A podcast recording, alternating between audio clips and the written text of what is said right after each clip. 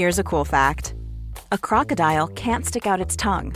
Another cool fact you can get short term health insurance for a month or just under a year in some states. United Healthcare short term insurance plans are designed for people who are between jobs, coming off their parents' plan, or turning a side hustle into a full time gig. Underwritten by Golden Rule Insurance Company, they offer flexible, budget friendly coverage with access to a nationwide network of doctors and hospitals. Get more cool facts about United Healthcare short term plans at uh1.com. Burrow is a furniture company known for timeless design and thoughtful construction and free shipping, and that extends to their outdoor collection. Their outdoor furniture is built to withstand the elements, featuring rust proof stainless steel hardware, weather ready teak, and quick dry foam cushions. For Memorial Day, get 15% off your Burrow purchase at burrow.com slash ACAST and up to 25% off outdoor. That's up to 25% off outdoor furniture at burrow.com slash ACAST. It's that time of the year. Your vacation is coming up. You can already hear the beach waves, feel the warm breeze, relax, and think about work. You really, really want it all to work out while you're away. Monday.com gives you and the team that peace of mind. When all work is on one platform and everyone's in sync, things just flow wherever you are. Tap the banner to go to Monday.com.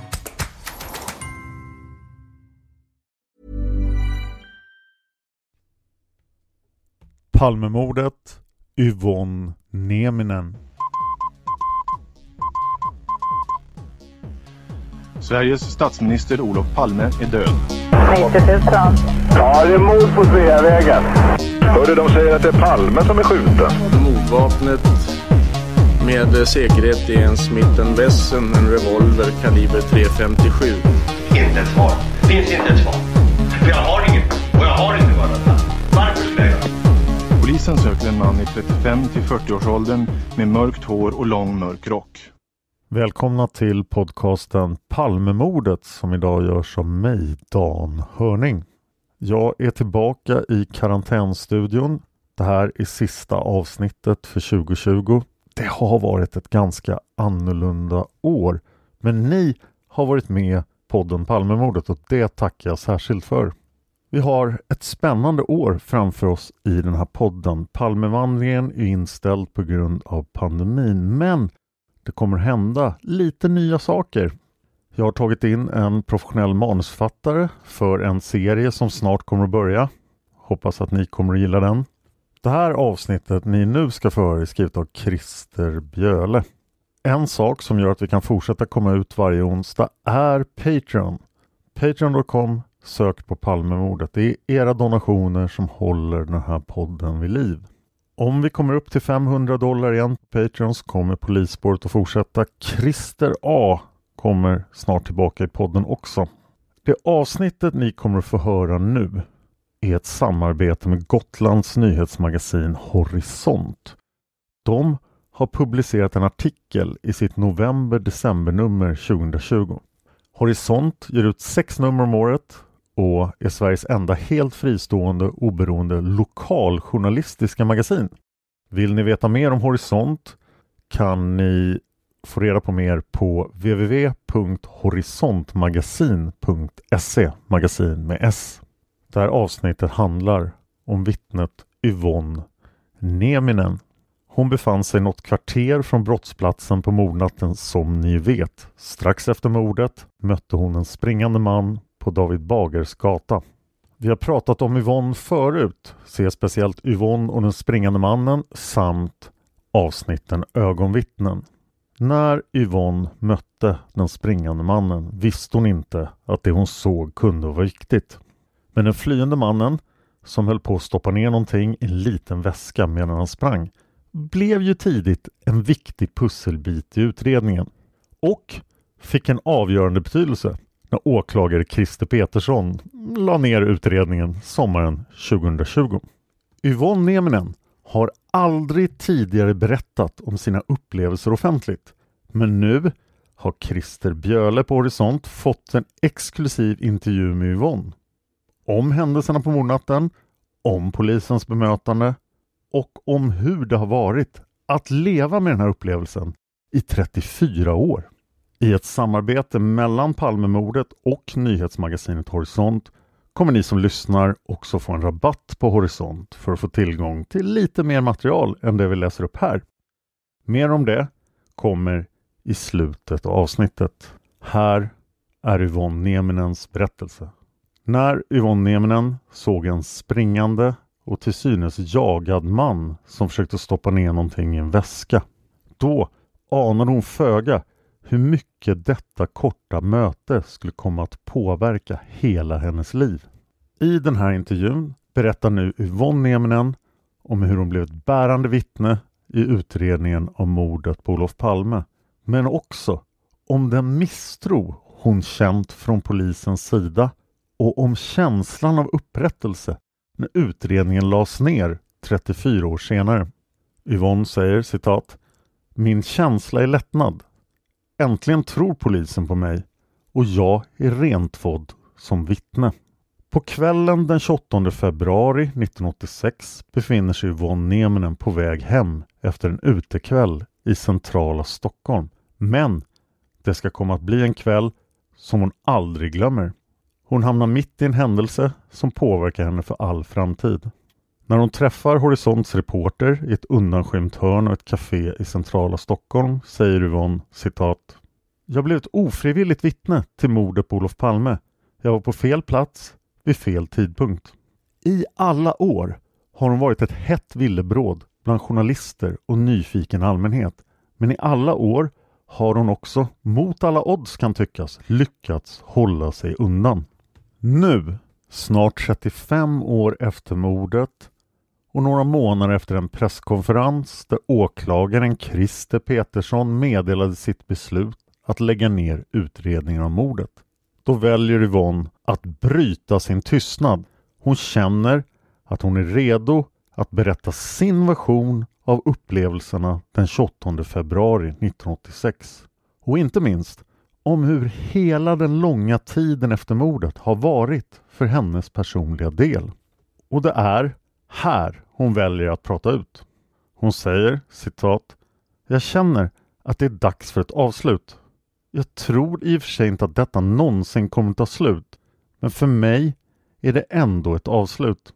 Yvonne Nieminen är född och uppvuxen på Gotland men lämnade ön vid 19 års ålder.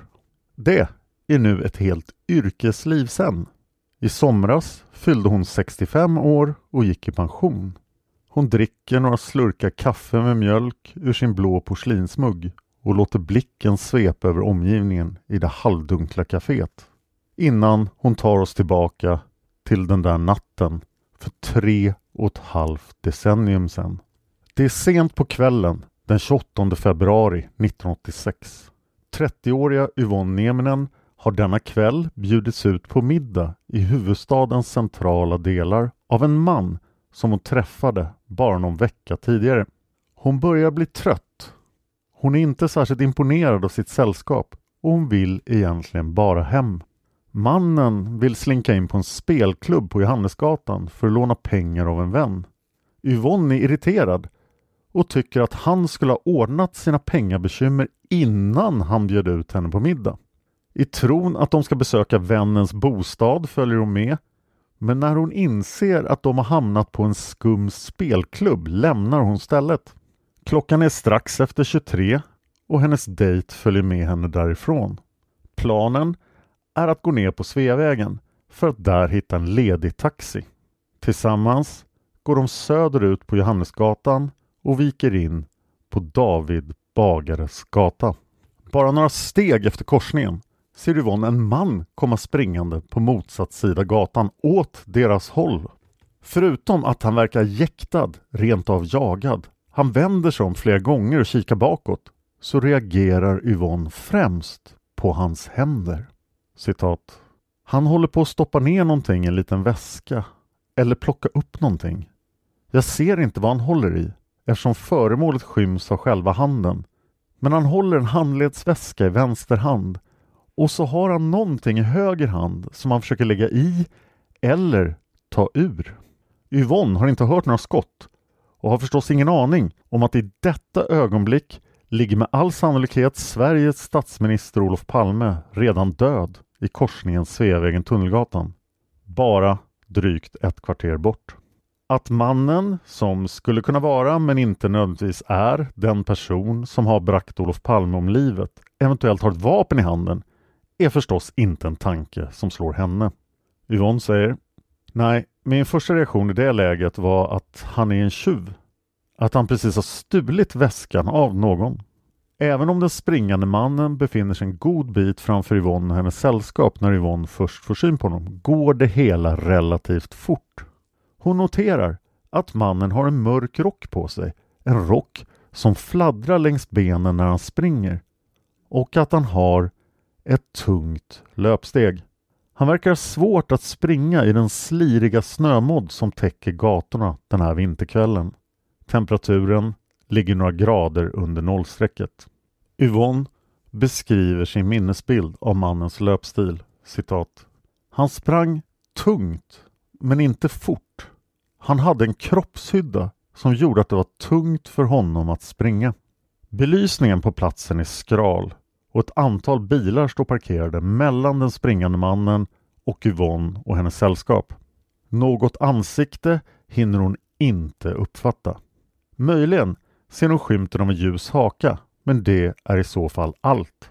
Och just där och då finns det ju inte heller någonting som ger henne anledning att försöka memorera mannens utseende. Yvonne Neminens sällskap verkar inte ha tagit någon notis om den springande mannen så han och Yvonne vandrar vidare David Bagares gata västerut utan att kommentera händelsen alls. När de når toppen av de numera så välkända trapporna som leder ner mot Tunnelgatan möter de en man som frågar om de har sett någon springa från platsen.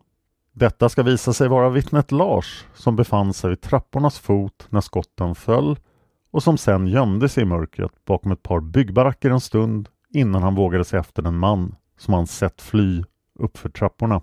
Yvonne berättar Jag stannade och förklarade att en man sprungit på högra sidan av gatan. Vi gick på vänstra och sen fortsatte vi ner för trapporna. Vid botten av trapporna börjar Yvonne inse att någonting allvarligt har hänt. Först kom ett flertal poliser rusande med dragna vapen på väg upp för trapporna. Yvonne, vi kastade oss åt sidan. De ville man inte vara i vägen för. Efter att ha promenerat en bit till, nu befinner sig Yvonne och mannen i hennes sällskap längs Tunnelgatan nära Sveavägen. When you're ready to pop the question, the last thing you want to do is second guess the ring. At BlueNile.com you can design a one-of-a-kind ring with the ease and convenience of shopping online. Choose your diamond and setting. When you find the one, you'll get it delivered right to your door. Go to Bluenile.com and use promo code LISTEN to get $50 off your purchase of $500 or more. That's code LISTEN at Bluenile.com for $50 off your purchase. Bluenile.com code LISTEN. How would you like to look five years younger? In a clinical study, people that had volume added with Juvederm Voluma XC in the cheeks perceived themselves as looking five years younger at six months after treatment. Look younger, feel like you. Add volume for lift and contour in the cheeks with Juvederm Voluma XC. Reverse signs of aging by adding volume to smooth laugh lines with Juvederm Volure XC. For important safety information and to find a licensed specialist, visit juvederm.com. That's J U V E D E R M.com. Not for people with severe allergic reactions, allergies to lidocaine, or the proteins used in Juvederm. Common side effects include injection site redness, swelling, pain, tenderness, firmness, lumps, bumps, bruising, discoloration, or itching. There's a risk of unintentional injection into a blood vessel, which can cause vision abnormalities, blindness, stroke, temporary scabs, or scarring. Talk to a licensed specialist to find out if it's right for you. Cool fact a crocodile can't stick out its tongue. Also, you can get health insurance for a month or just under a year in some states. United Healthcare short term insurance plans, underwritten by Golden Rule Insurance Company, offer flexible, budget friendly coverage for you. Learn more at uh1.com. Då ser Yvonne en man ligga på marken ute på Sveavägens breda trottoar. Människor har börjat strömma till. En person har börjat med hjärt-lungräddning. Yvonne minns citat Jag minns faktiskt inte att jag såg Lisbeth Palme men hon var ju förstås där. Mitt fokus när vi kom till platsen var mannen på marken och så rakt fram i samma riktning fast närmare Sveavägen stod en polis i uniform. Jag kopplade då samman den springande man som jag hade sett uppe på åsen med den här händelsen vid Sveavägen. Så jag gick rakt fram till polismannen. Jag förklarade vad jag hette och vad jag hade sett och så gav jag honom mina kontaktuppgifter. Polismannen tackar för informationen och för kontaktuppgifterna. Yvonne, som känner sig obekväm i att befinna sig på en brottsplats, frågar om hon måste stanna kvar länge till. Polisen försäkrar henne om att hon kommer att kontaktas av polisen nästa dag och att hon därmed får åka hem om hon vill. Vid det här laget har Yvonnes dejt, som rört sig bland och pratat med de övriga personerna på platsen i större utsträckning än Yvonne själv, han har fått veta att det är Olof Palme som ligger livlös på gatan och att han har blivit skjuten. Han berättar detta för Yvonne innan hon ensam beger sig hemåt. Yvonne, jag var chockad, väldigt chockad. Allra helst efter att jag fick veta att det var Olof Palme. När jag kom hem tänkte jag ringa hem till mamma men eftersom det var så sent så väntade jag med det till dagen därpå. Under lördagen den 1 mars 1986 ringer hon sin mamma på Gotland och berättar om den omskakande upplevelsen. Hon förväntar sig också att polisen hör av sig, så som polismannen på mordplatsen hade lovat, men detta sker inte. När det ringer hemma hos Yvonne senare på lördagen är det istället hennes mamma som ringer tillbaka.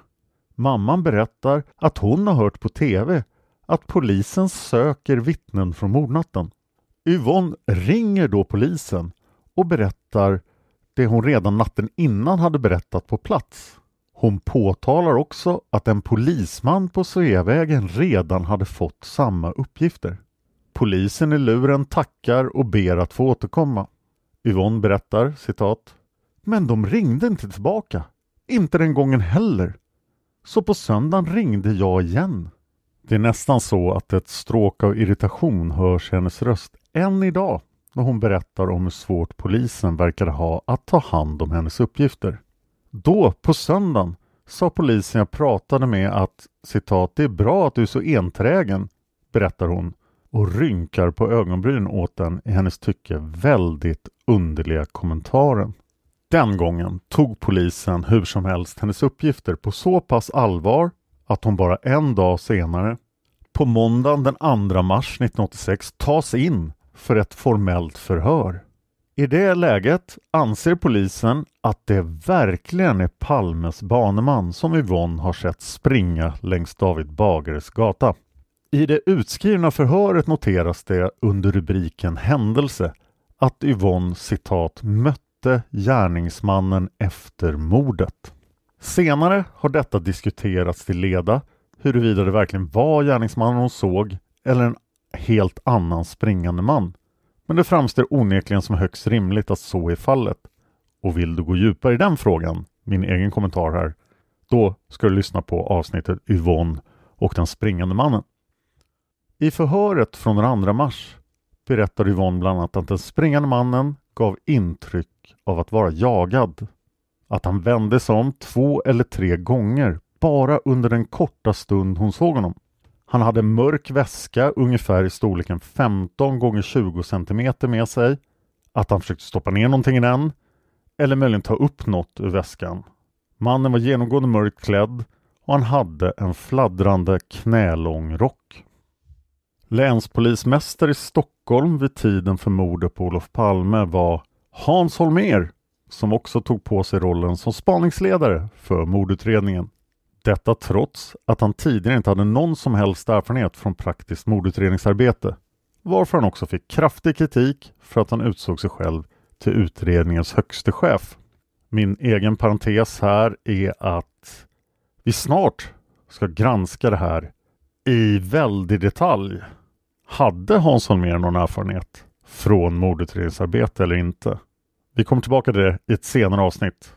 Tillbaka till Yvonne och artikeln.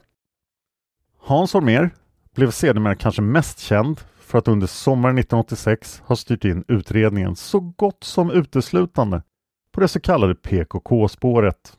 Det byggde, som ni alla vet, på att den kurdiska organisationen PKK, Kurdistans arbetarparti, skulle ha legat bakom Palmemordet. Att detta var huvudspåret blev dock inte allmänt känt förrän under hösten 1986. Och i december samma år sa sig Hans Holmér i en tv-sänd intervju vara 95% säker på att man var på rätt spår. Men faktum är att åtminstone en kurd förekom i utredningen betydligt tidigare än så.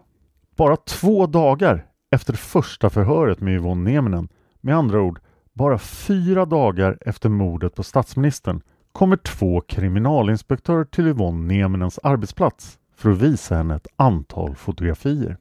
Alla bilder föreställer, ska det visa sig, en kurdisk medborgare i 30-årsåldern. Poliserna undrar om hon kan identifiera personen på bilderna som den person som hon såg springande på mordnatten. Det kan hon inte. Något hon är väldigt tydlig med, då liksom nu. I förhörsutskriften från den 4 mars 1986 står bland annat att läsa citat Neminen studerar noggrant fotona varefter hon uppger att hon inte kan utpeka denne person som identisk med den som hon såg springande på David Bagares gata strax efter mordet. Hon framhåller att hon inte såg ansikte på den mannen. Hon poängterar på nytt att hon nästan fixerade sin blick på att mannen under det att han hela tiden sprang höll på att antingen öppna eller stänga blixtlåset till den mindre väska 20 x 15 cm som han höll i sin vänstra hand. Slut citat. Detta är första gången Yvonne Nieminen utsätts för en fotokonfrontation, men ska det visa sig, det är långt ifrån den sista gången. Hon har ett otal gånger genom åren av polisen och en gång även av media, vi återkommer till det, förevisats porträttbilder på misstänkta personer. Men Yvonne har hela tiden stått fast vid sin ståndpunkt. Hon säger följande och hon betonar varje stavelse, citat. Jag såg inget ansikte så visa mig inga bilder för det hjälper inte, det går inte, jag vill inte se några porträttbilder. Efter de två förhören i mars 1986 var det tyst ett tag från polisens sida. 1987 avgick Hans Holmér både som länspolismästare och som spaningsledare för mordutredningen. Främst för att utredningen av PKK blev ett fiasko då inga bevis gick att hitta för att organisationen skulle ha någonting med mordet att göra. Och redan 1988 släppte Hans Holmér en bok om mordet med titeln Palme är skjuten. I den boken namngavs Yvonne Nieminen för första gången i offentliga sammanhang. Dittills hade hon varit anonym men i och med Hans Holmers bok var drevet i full gång. I boken skrev han bland annat att flera av vittnena citat släcktes som ljus. Det var ett uttalande som Yvonne Nieminen tog väldigt hårt. Redan på mordnatten och efterföljande dagar då polisen inte tycktes kunna hålla ordning på hennes kontaktuppgifter trots att hon gav dem flera gånger kände Yvonne en stark misstro från polisens sida. Den misstron blev knappast bättre av Hans Holmers uttalande eller av att han offentliggjorde hennes identitet. Yvonne säger idag det där han skrev om vittnena kändes nästan ännu värre än den nonchalans polisen dittills hade visat för min berättelse. Redan från mordnatten och framåt kände Yvonne från polisens sida en stark misstro mot vad hon hade att berätta. Och så här långt i efterhand är det det hon är mest besviken på. Yvonne, det värsta var polisens nonchalans, att de inte verkade intresserade av vad jag sa och att de liksom inte trodde på mig. Jag var ju där! Jag såg den fladdrande rocken. Jag såg hans väska och att något skulle ner i eller upp ur den. Ingen annan såg det, men jag gjorde det. Men polisen litade ändå inte på vad jag sa. Det här säger Yvonne och hon tillägger med eftertryck. Då, efter de första förhören, bestämde jag mig för att jag aldrig skulle vittna igen. Det är ett beslut som hon spontant står bakom än idag. Men samtidigt säger hon citat Sedan har man en slags moralisk kompass också. Om jag verkligen skulle hamna i en sån situation igen så skulle jag säkerligen vittna igen trots allt. Man vill ju ändå hjälpa till om man kan. Hon har också i senare sammanhang kommenterat för polisen det faktum att trots att hon hade lämnat sina uppgifter redan på morddagen så krävdes det att hon själv låg på och kontaktade polisen både en och två gånger dagen efter mordet innan de faktiskt dokumenterade henne och hennes vittnesmål. Hon säger med eftertryck. Då ifrågasatte de om jag verkligen hade lämnat mina uppgifter till en polis på mordplatsen. De frågade kanske pratar du med en taxichaufför? Jag tror nog att jag ser skillnad på en taxichaufförs uniform och en polismans uniform. Är det verkligen så man ska behandla ett vittne till mordet på statsministern? Efter publiceringen av Hans Holmérs bok blev Yvonne Nieminen ett jagat byte. Journalister från både tidningar och tv började ringa. De knackade på hennes dörr, de knackade på grannarnas dörrar och de lämnade meddelanden. I slutet av 1980-talet kontaktades hon av radioprogrammet Kanalen för vilket hon berättade en del av sina upplevelser. Men i övrigt höll hon en låg profil. När Christer Pettersson anhölls den 14 december fick Yvonne veta detta via kvällstidningens löpsedlar. Senare samma kväll fick hon besök i sin lägenhet av en av sina grannar. Det här är alltså 88. Denne uppgav att en journalist hade ringt och bett grannen hälsa på Yvonne och ge henne telefonnumret till journalisten i fråga eftersom han inte hade lyckats hitta hennes nummer för att kunna ringa henne direkt. Yvonne valde att ringa upp journalisten som visade sig arbeta på tidningen Kvällsposten. Hon gick sedermera med på att låta sig intervjuas om sina minnen från mordnatten. Ett beslut som hon ångrar än idag. Yvonne säger Jag bad dem att de inte skulle visa mig några fotografier på ansikten för jag hade ju inte sett ansiktet på den springande mannen. Jag var väldigt tydlig med det, att jag inte ville se några ansikten. Men journalisten visade mig bilder ändå. I efterhand är hon inte bara besviken på att hon visades bilder trots att hon inte ville se dem. Hon är nästan ännu mer missnöjd med hur artikeln vinklades. Anna pekar ut misstänkte mannen på Kvällspostens bild, lyder rubriken till helsidesartikeln. Hon fick i alla fall uppträda under fingerat namn och heter därmed Anna i texten. Och formuleringar som citat Anna pekar med detsamma på fotot av 41-åringen. Och citat Anna pekar ut den misstänkte 41-åringen utan att tveka. De får hennes utsaga att låta glasklar. Vilket den inte alls var. Yvonne, jag blev riktigt förbannad på Kvällsposten efter den artikeln. Dels för att de visade mig foton fast jag bad dem att låta bli och dels för sättet som de skrev på. Jag sa tydligt att jag inte kunde peka ut någons ansikte eftersom jag inte hade sett någons ansikte. Men att det möjligen kunde vara den ena eller andra personen utifrån kroppshållning och sånt. Den i hennes tycke felvinklade artikeln blev droppen för Yvonne.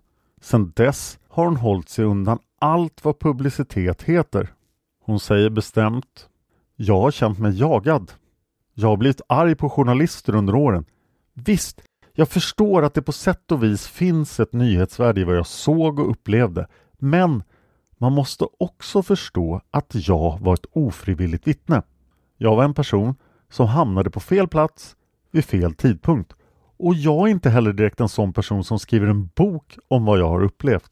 Den bildkonfrontation som hon utsattes för från medialt håll innan rättegången mot Christer Pettersson var också skälet till att hon aldrig kallades som vittne i varken Stockholm tingsrätt eller i Svea hovrätt. Yvonne suckar Nej, alla dessa fotovisningar brände mig som vittne. Uppståndelsen kring mordet och pressen på Yvonne Nieminen blev till slut för stor. När det år 1990 dök upp en möjlighet för Yvonne att jobba utomlands så tog hon chansen direkt. I nästan ett och ett halvt decennium, från 1990 till 2004, bodde Yvonne Nieminen utanför Sveriges gränser. Främst arbetade hon som kallskänka ombord på fartyg i Östersjön och då hade hon Finland som sin bas. Yvonne berättar Jag var förstås hemma i Sverige då och då, men jag bodde i Finland och jag jobbade på sjön. Det var ett sätt att komma bort från allt och det var väldigt skönt. Att det blev Finland och havet är kanske inte helt långsökt. Yvonnes mor hade rötterna i Karelen och kom till Sverige och Gotland som så kallat krigsbarn.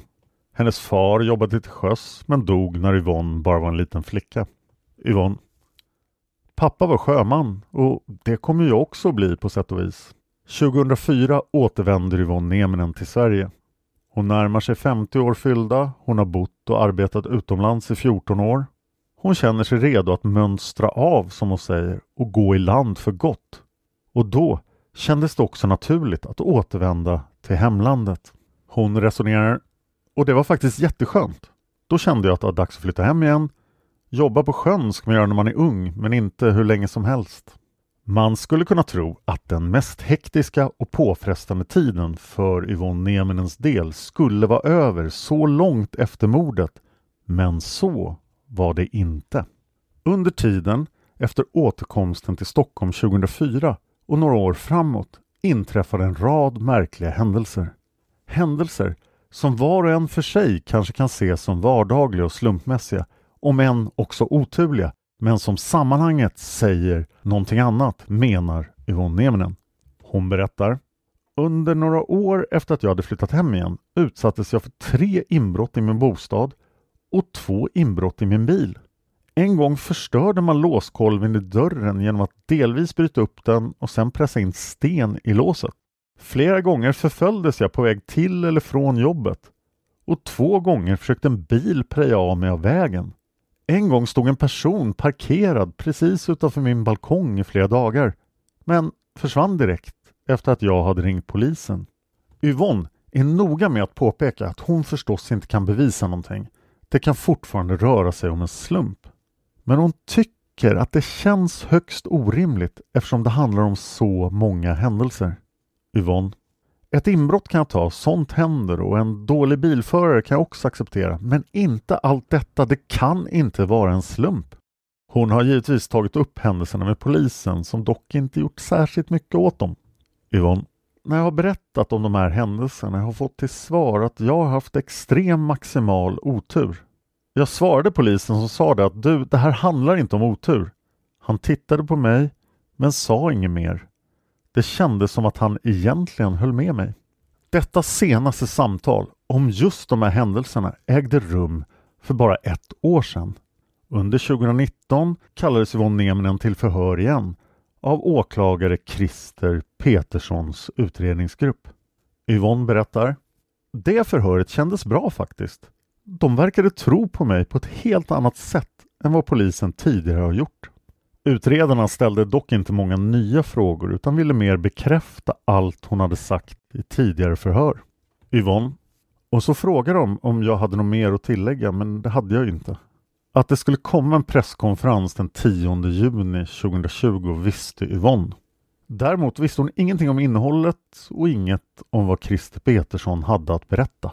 Hon hade således inte en aning om att hennes namn skulle kablas ut över hela världen och att hennes vittnesmål skulle lyftas fram som ett av de mest centrala argumenten för beslutet att lägga ner utredningen av mordet på Olof Palme.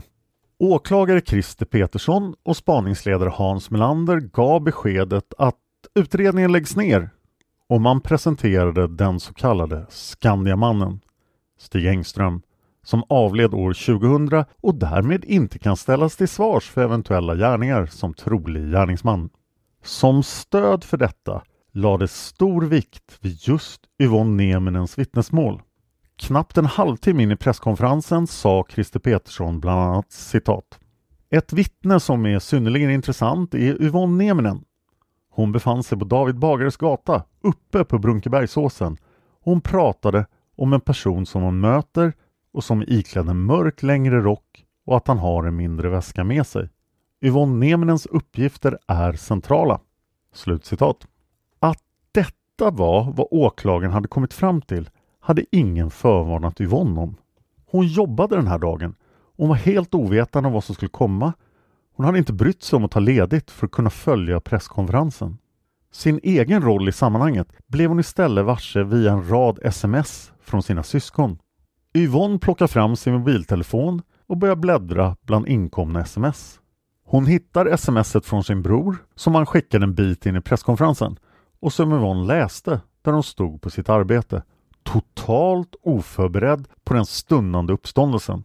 Hennes bror skrev Vonna, det är ditt vittnesmål som till största del har löst mordet på Olof Palme. Kort senare skriver hennes syster Men herre, du blir omnämnd hela tiden. När Yvonne insett vidden av den betydelse som hennes vittnesmål äntligen fått skriver hon tillbaka till syskonen citat Jag medverkar inte med ljud eller bild i TV men det känns underbart att ha fått upprättelse som vittne. Det tog bara 34 år. Närmare fyra månader senare, när Horisont träffar Yvonne Nieminen, är lättnad det första ord hon beskriver känslan med. Den känsla som hon fick när hon förstod vad presskonferensen faktiskt hade inneburit. Men också, citat, det allra första jag tänkte på var faktiskt Stig Engströms anhöriga. Jag tänkte att jag verkligen hoppas att polisen har någonting konkret att bygga de här anklagelserna på.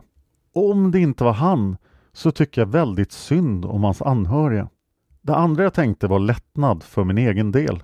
Ska det här verkligen ta slut nu? Jag tror i och för sig inte att det någonsin tar slut eftersom de inte har lyckats presentera något vapen eller något annat konkret bevis. Men för mig är det ändå ett avslut. För mig tar hela den här historien slut här. Jag känner en lättnad för att det är över och en tacksamhet för att polisen faktiskt äntligen tror på mig. Jag har fått upprättelse och jag är rentvådd som vittne och det känns väldigt skönt. Väldigt skönt. Men det var förstås inte slut. Samtidigt innebar ju åklagarens beslut att Yvonne Nemenens namn blev aktuellt igen. Yvonne. Direkt efter presskonferensen började telefonen att ringa igen. Yvonne Nieminen har skickat in en begäran till myndigheterna om att det borde vara möjligt att vara anonym som vittne, vilket inte är möjligt enligt gällande regelverk. Hon säger Jag blev ofrivilligt allmänt känd, vilket inte borde ha varit möjligt. De har inte tagit någon hänsyn till min personliga integritet. Men hur ser hon då på lösningen? Tror hon att det var Stig Engström hon såg komma lufsande på David Bagares gata med sin handledsväska och sin fladdrande rock? Yvonne Nieminen ger inget klart svar på den frågan. Hon står fast vid sin version, den hon har berättat om varje gång någon har frågat henne ända sedan mordnatten. Citat. Jag vet inte vem det var jag såg, men jag vet att jag såg en man med en handledsväska, fladdrande mörk rock och en tung löpstil. Hon berättar att efter att hon hade deltagit i konfrontationen med Christer Pettersson inför rättegången 1989 tyckte hon att eh, citat, hans stil, den sävliga rörelsen, sättet han gick på och hans kroppshydda slutcitat påminde om mannen på David Bagares gata. Men samtidigt, detaljer som rocken och handledsväskan skulle kunna passa in på exempelvis Stig Engström. Vem som är skyldig till mordet, vem som sprang på David Bagares gata överlåter hon åt polisen eller andra att reda ut. För hennes del är det här kapitlet i hennes liv äntligen slut. Allt som har hänt Yvonne Nieminen under dessa snart 35 år har påverkat henne på djupet. Både själva mordet på Olof Palme, det faktum att hon befann sig alldeles i närheten när det skedde, misstagen eller slarvet som gjorde att hon själv fick ligga på rejält för att ens få lämna sitt vittnesmål. Och incidenterna efter återkomsten till Sverige 2004. Yvonne berättar Jag har egentligen trots allt aldrig varit rädd för min egen del, för min egen person liksom. Men jag har varit rädd att mina anhöriga ska råka illa ut. Jag har inga egna barn. Mina syskon och deras barn betyder allt för mig. Och det är dem jag varit rädd om, inte mig själv. Jag har två syskon, en bror och en syster och jag är äldst av oss tre. Kanske har det gjort mig lite överbeskyddande. Hon tillägger här och hon noterar att detta är tankar som hon egentligen aldrig har dryftat med någon annan tidigare. Hon fortsätter. Mina syskon är de som står mig närmast. De kan jag alltid prata med om jag känner behov av det. Men de brukar sällan själva ta upp det här med Palmemordet för de vet att jag inte vill prata om det. En del vänner och arbetskamrater har förstås också känt till att jag är den Yvonne Nieminen men de har också låtit mig vara. Yvonne har, berättar hon, en obehaglig tanke som dyker upp då och då som hon funderar på men som hon aldrig kan besvara. Yvonne berättar Om det nu var mördaren jag såg, tänk vad hade hänt om jag hade försökt stoppa honom? Jag trodde ju att han hade stulit en väska. Ibland tänker jag på vad som hade kunnat hända om jag hade försökt konfrontera honom. då hade jag kanske inte suttit här idag. Ända sedan natten den 28 februari 1986 har Yvonne känt ett visst obehag av att vistas utomhus på kvällar och nätter och på platser där det är mörkt. Hon försöker alltid hålla koll omkring sig även om hon poängterar att hon inte känner sig citat paranoid. Yvonne berättar för nyhetsmagasinets Horisonts reporter Christer Björle citat Men jag är vaksam. Jag har koll på vad som sker i omgivningen och vilka som rör sig i närheten. Om någon vankar omkring nära mig är jag extra uppmärksam på personen. Jag tycker att det är obehagligt att vara ute om kvällarna när det är mörkt. Så ja, jag har blivit mer begränsad på så vis. Men inte direkt rädd. Och nu är det ju äntligen slut. Och det var allt från Yvonne Nieminen den här gången. Artikeln finns i det gotländska nyhetsmagasinet Horisont. Och det som jag läste upp här är inte riktigt allt. Det finns lite fler uppgifter i artikeln. Det finns lite mer om Yvonnes tid från presskonferensen och framåt. Det finns lite fler detaljer kring de två gångerna som någon försökte preja henne av vägen. Och dessutom finns det fler korta fakta kring personer och händelser som nämns i artikeln och en del om hennes relation till Gotland. Horisonts november-decembernummer innehåller också bland annat en karta över Palmes väg från biografen och Yvonne Nieminens placering då hon såg den springande mannen samt foton från den rekonstruktion som Yvonne deltog i. Och här får ni ett rabatterbjudande från Horisont. Alla som lyssnar på Palmordet kan få 25% rabatt på köp av det aktuella numret av Horisont och även på alla andra nummer som Horisont har gett ut. Totalt 57 nummer fram till årsskiftet 2020-2021. Horisont går att få både som pdf och i pappersform och kostar normalt sett 89 kronor. Det finns en länk till det här avsnittet men gå in på www.horisontmagasin.se Palmemordet och där finns alla uppgifter ni behöver för att ta del av erbjudandet. Vi kommer även att lägga ut det på Palmemordets Facebook-sida. På Facebook-sidan kan ni också berätta vad ni tyckte om det här avsnittet. Är sådana samarbeten med tidningen någonting ni vill se mera av? Så säg till! Pandemin fortsätter och vaccinet är på väg. Men jag gör en podd som heter Pandemipodden och i den podden har jag just gjort tre väldigt intressanta avsnitt. I avsnitten blir jag gästad av två personer som gör den politiska podden Andra kammaren. Den ena är till höger, den andra är till vänster och i Andra kammaren pratar de politik. Nu har de gjort tre avsnitt med mig i Pandemipodden där vi pratar om politiken i Sverige under pandemin. Pandemipodden finns på alla de ställen där ni hittar Palmemordet, så lyssna gärna på den. Där får ni också i nio delar den fullständiga historien om SARS, pandemin vi lyckades stoppa 2003. Palmemordet finns som sagt på Facebook. Jag finns på Twitter och Instagram. Följ mig gärna där. Jag heter Dan Hörning så jag är lätt att hitta. Då kan ni ta del av alla mina andra projekt som till exempel Seriemördarpodden och Olösta mord. I podden Olösta mord tar vi bara upp olösta fall och snart kommer vi att göra en stor special som har med Gotland att göra. Horisont är inte inblandad den här gången men vi tittar även på att göra andra mordfall tillsammans med dem. Tack till Yvonne Nieminen som ställde upp den här intervjun. Tack till Christer Björle som genomförde den. Tack till Horisont. Och tack till dig för att du lyssnar på Palmemordet. Man hittar Palmes mördare om man följer PKK-spåret till botten. Därför att ända sedan Julius Caesars tid har jag aldrig hört talas om ett mord på en framstående politiker som inte haft politiska skäl. Polisens och åklagarens teori var att han ensam hade skjutit Olof Palme. Och det ledde också till rättegång. Men han frikändes i hovrätten. Nu ska vi ut på rövarstråt. Ja, vi ska ut och röva. Here's a cool fact. A crocodile can't stick out its tongue. Another cool fact, you can get short-term health insurance for a month or just under a year in some states. United Healthcare short term insurance plans are designed for people who are between jobs, coming off their parents' plan, or turning a side hustle into a full time gig. Underwritten by Golden Rule Insurance Company, they offer flexible, budget friendly coverage with access to a nationwide network of doctors and hospitals. Get more cool facts about United Healthcare short term plans at uh1.com.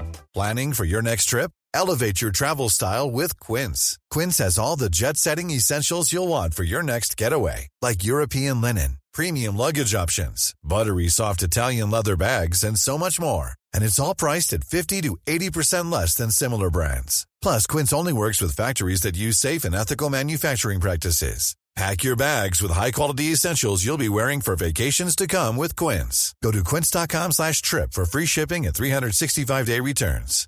Even when we're on a budget, we still deserve nice things. Quince is a place to scoop up stunning high-end goods for 50 to 80% less than similar brands.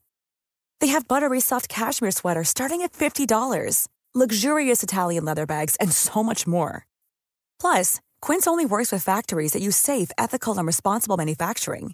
Get the high-end goods you'll love without the high price tag with Quince. Go to quince.com slash style for free shipping and 365-day returns.